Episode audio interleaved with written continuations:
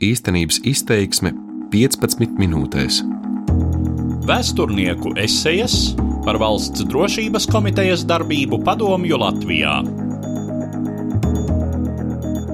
Mani sauc Mārtiņš Kaprāns, un es esmu Latvijas Universitātes Filozofijas un Socioloģijas institūta pētnieks.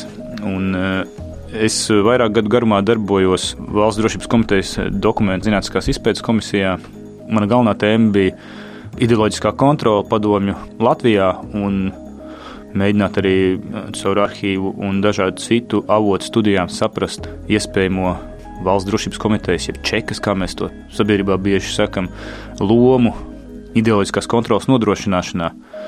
Tas bija pastāvēšanas pamats faktiski šim režīmam.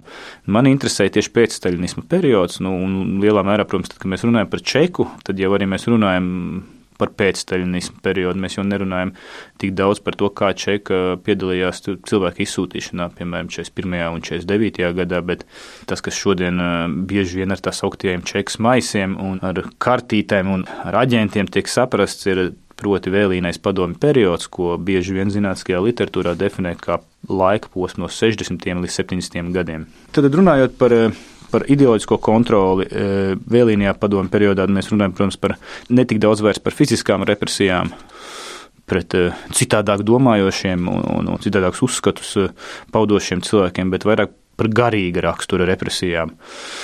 Te kā tas spilgtākais simbols no tā laika ir saglabājies arī tā skaitā, protams, sabiedriskajā vai sociālajā atmiņā, tā ir cenzūra un cenzūras dažādās prakses, kuras caurauda padomju sabiedrības ikdienas dzīvi publisko telpu, un kas lielā mērā arī radīja pamatu pašcensūras fenomenam, arī, protams, jo baidot vai piesolot, ka šis nekādā veidā nevarēs parādīties publiski. Mēdījos, piemēram, tas ilgākā laika periodā nostiprināja apziņu par atļautajām un neatļautajām. Bet, nu, protams, skaidrs, ka tas līnijas starp atļautu un neatļautu nebija tik skaidri definēts un bieži vien Tas bija ļoti kontekstuāli un, un, un ļoti atkarīgs no apstākļiem, kuros eh, kaut kāds izteikums vai opozicionāra ideja izskanēja. Un, ja runā par vēlīgu no padomju periodu, tad par 60. līdz 80. gadiem, eh, te ir ļoti svarīgi uzreiz pateikt, ka šim laikam ir raksturīga ļoti sazarota, un tā ir tā arī būtiskā atšķirība patiesībā no staļinisma perioda. Latvijā tā skaitā, ka ir raksturīga ļoti sazarota un tāda daudz līmeņu ideoloģiskā kontrolas sistēma kas eh, nu, izpaudās gan mērķiecīgā cenzūras politikā, ļoti oficiāli definētā, gan arī dažādos citos pusoficiālos, nu, tādos ritualizētos eh, mediju satura ietekmēšanas veidos. Tieši šī daudz līmeņu, kas arī bieži vien mm, parādās un uz ko norāda tie Latvijas padomju laikā mēdījos strādājošie cilvēki, kas ir publicējuši kādus uh, savus atmiņas, uh, ka nebija runa par kaut kādu vienu robežu vai vienu filtru, kuru pārvarot, eh, nu, tad visas durvis bija vaļā. Nē, tie bija daudzi ar dažādiem motīviem, un tā situācija līdz ar to bija daudz nenoteiktāka ko varēs atļauties vai ko nevarēs atļauties, piemēram, publicēt mēdījos. Un tad, tad es mēģināšu ieskicēt nedaudz tos dažādos līmeņus. Es neiedziļināšos visos vienādi, bet es varbūt iedziļināšos tajos vairāk, kas eh, ir nu, varbūt tiešāk arī saistīti ar valsts drošības komitejas specifiku, bet eh, kas arī vienlaikus parāda to, ka mēs valsts drošības komiteja nekādā gadījumā šajā daudz līmeņu ideoloģiskās kontrolas sistēmā nevaram izvirzīt kā svarīgāko spēlētāju vai kā, nu, teiksim, centrālo. Un pirmais un, un galvenais, protams, un tas ir, ir svarīgi saprast ikvienam, kas e, mēģina runāt par masu mēdīju cenzūru Latvijā, ir e, saprast, e, kāda loma bija Latvijas komunistiskajai partijai centrālajai komitejai, kas tomēr bija kā, zināmā mērā kā tāda izpildu struktūra komunistiskās partijas. Vēsturnieki diskutē, vai tā nebija arī tāda paralēlā vara tam, ko īstenoja ministrs padome, bet nu, galu galā tā bija ideoloģiskā izpildu struktūra ar daudzām nodaļām. Un šeit cenzūras un ideoloģiskās kontrolas gadījumā tas svarīgākais spēlētājs bija aģitācijas un propagandas nodaļa, kā viņi mēdz dažkārt tautas valodā un arī iekšēji varbūt nomenklatūrā kaut kur saukt aģitprops. Ja. Šeit ir ļoti svarīgi ņemt vērā tīri, kas vadīja šīs nodaļas vēlīnijā padomju periodā ilglaicīgi, patiesībā no 61. gada līdz 87. ar nelielu pārtraukumu to vadīja divi cilvēki. Bija Imants Andersons un Leonīts Freibergs Kas ir zīmīgi, šie abi cilvēki bija tā sauktie Krievijas latvieši. Turklāt cilvēki, kas bija, nu, jā, nu, kā izsakās Jānis Bitāns, cīņas ilgadējais redaktors, un arī vēl citi, varbūt, kas strādājuši padomju mēdījos un arī bijuši saistīti ar centrālo komiteju, šie abi cilvēki bija salauzti. Viņi bija morāli un emocionāli salauzti, ka viņu vecāki bija vai nu iznīcināti, vai viņi paši bija represēti tā sauktās latviešu operācijas laikā. Līdz ar to viņi bija ļoti pakļāvīgi, un to ir ļoti svarīgi ņemt vērā, kad mēs domājam par aģitācijas un propagandas nodaļu, un vēl mēs mēģinām domāt alternatīvās vēstures ietvaros, kas būtu, ja būtu, ja būtu, piemēram, vietējais kadrs šīs nodaļas, kas tomēr lielā mērā kontrolēja, izteica savus pārmetumus vai labojumus mēdīju saturā, īpaši centrālo mēdīju tad šeit jāņem vērā, ka, ka šo nodaļu pārvaldīja ļoti pakļāvīgi, lielā mērā bezprincipiāli, tādi neizlēmīgi, jebkurā tādā jutīgākā momentā, kur, kur parādījās varbūt jautājums, vai šis ir tas, ko mēs varam vai nevaram pieļaut publicēt. Šis ir svarīgs faktors, ko jāņem vērā, un tā bija apzināta un skaidra padomju režīma politika, personāla politika ja, vai, vai, vai nomenklatūras tāda veidošanas politika. Un tad ir jāsaprot, ka jebkurš mazākais eh, mēģinājums šeit no vietējo mēdīju un, attiecīgi, žurnālistu puses kaut kā piedāvāt eh, vai nu, saturiski kaut kā mēģināt eh, izrauties ārpus tiem ideoloģiskiem žņaugiem, tika ļoti, ļoti bažīgi uztverts no šo cilvēku puses, kuriem, ja tā varētu teikt, varbūt tas tāds nezinātniski, bet ģenētiski bija bailes jau uzsūktas un, un, un tā pakļāvīgums bija iekšā pret padomu režīmu. Bet ko es te vēlos uzsvērt kā problēmu, un problēmu tīri metodoloģisku, arī tad, kad mēs runājam par kontroli. Un, ja mēs vēlamies apiet, nu, kādā veidā tā kontrole tā ikdienā varēja notikt, mēs attopamies, un tiksim, mēs, kas iet un analizē tos pašus arhīvus, aģitācijas un propagandas nodaļas atstāto arhīvu, mēs ieraugam, ka nav jau to dokumentu, kas kaut kādā veidā varētu parādīt, ka tur e, tā iejaukšanās ir notikusi tiešā veidā, piemēram, e, tās pašas panorāmas sižetos vai kādos radio programmās saturā vai centrālo kādu laikrakstu saturā. Nav jau to dokumentu, kas to īsti parādītu. Un tad e, šeit ir tas svarīgais fenomens, un to mēs zinām lielā mērā pateicoties atstātajām atmiņām, bet arī šim jēdzienam, kas nāk no tā laika, ir, protams, tā sauktās telefona tiesības kas tika saprasts, ka tev no cekas uzvanīja kā redaktoram un deva norādes.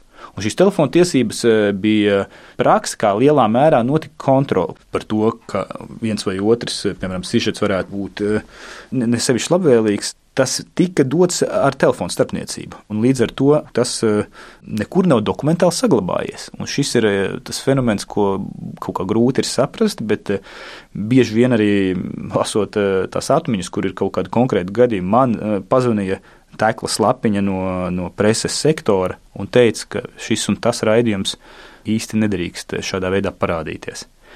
Nekur neviens nekad to neprotokolēja, tas neparādījās, bet šādas telefona tiesības pastāvēja kā pamatprakse. Patiesībā rakstiskās norādes jau liecina par ārkārtēju raksturu pārkāpumam. Un tas ir īstenībā arī racionāli, protams, tas bija ātrāk, operatīvāk, bet šeit, protams, tas atklātais jautājums, un tas varbūt tā saikne ar to pamatēmu ir, ka mums būs diezgan grūti saprast, e, un mums tas paliek kā atklāts jautājums, un arī jautājums tīri metodoloģiski, vai to vispār ir iespējams kaut kādā veidā apjēgt. Proti, kāda, piemēram, loma bija valsts drošības komitejas e, konkrētiem kuratoriem, kas uzraudzīja mēdīju jomu padomu Latvijā.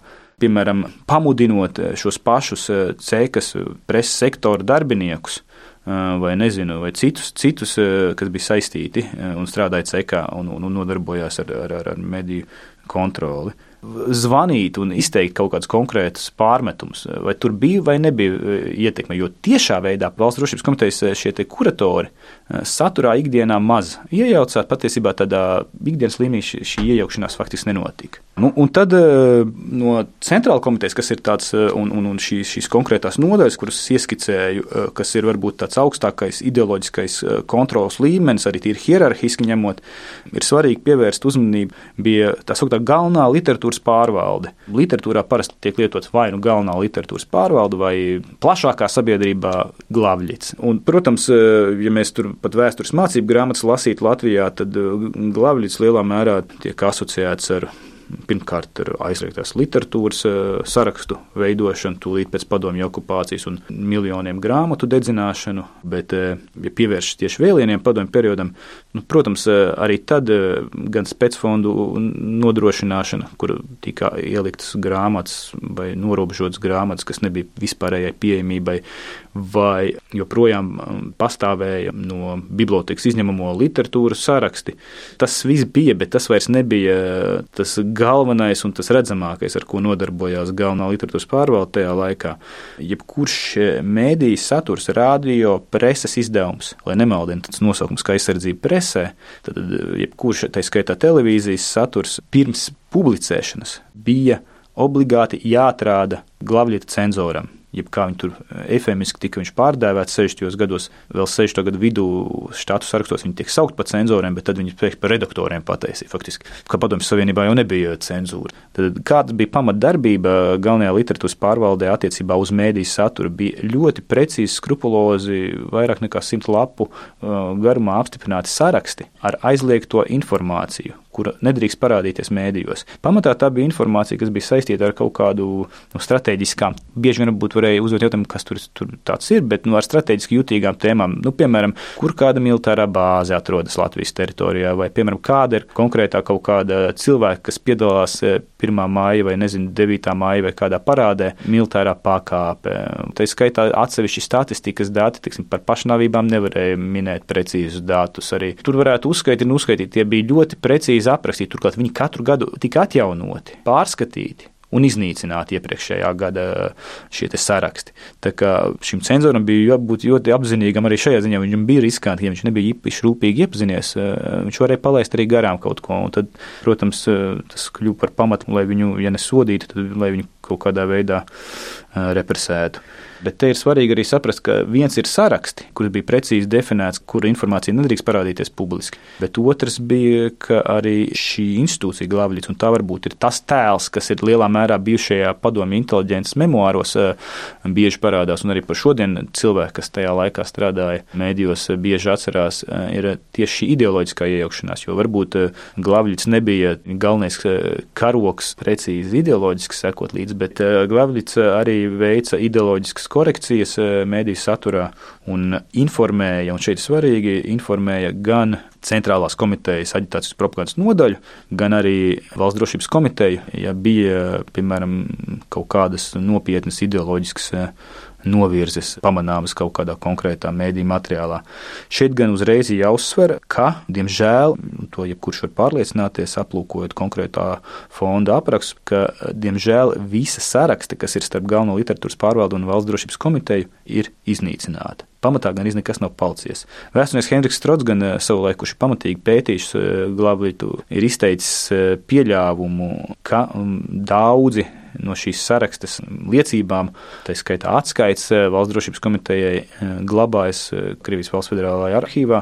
Iespējams, un, un, un tad ir jautājums, protams, vai, vai kādreiz būs piekļuve, un tas ļautu labāk saprast tieši šo saikni. Jo mēs zinām vienu tiešo saikni starp galveno literatūras pārvaldi un valsts drošības komiteju, bet tā varbūt bija mazāk saistīta tieši ar mēdīju satura kontroli, lai gan, protams, bija, bet ne tādā veidā, kā es pašlaik par to runāju. Proti, tā bija tā sauktā perlustrācija, jeb ienākošās korespondences no ārvalstīm, pamatā, protams, no, pirmkārt arī no tā sauktām kapitālistiskajām valstīm ienākošā korespondence, un tā bija galvenās literatūras pārvaldes kompetence, viņiem bija savi cilvēki, kas sēdēja pasta nodaļās Rīgā un kontrolēja šo ienākušo korespondenci. Protams, viņi arī kontrolēja izējošo korespondenci uz ārzemēm. Šeit uh, ir svarīgi, varbūt, likt, ja ne, ja ne punktu, tad daudz punktu. Tā iemesla dēļ, ka esmu izstāstījis par tiem diviem svarīgākajiem, varbūt, uh, ideoloģiskās kontrolas līmeņiem, kas uh, nebija saistīti ar valsts drošības komiteju tiešā veidā, bet, protams, sadarbojās un bija kopējā tīklojumā. Bet uh, nākamais cēliens uh, manā stāstā būs vairāk veltīts tiem līmeņiem, kur ideoloģiskā kontrole tika īstenota. Proti, galvenie redaktori, kā viens svarīgs spēlētāji satura kontrolē, bet kur arī parādījās iespējas šo ideoloģisko kontroli apiet. Un kā tas bija iespējams, un kādas tam bija iespējamās sekas, par to es runāšu nākamreiz. Tāpat kā arī runāšu par to, kāda bija tieši pašas valsts drošības komitejas loma, ietekme un varbūt tas vēriens, kādā tā darbojās attiecībā uz padomu Latvijas mēdījiem.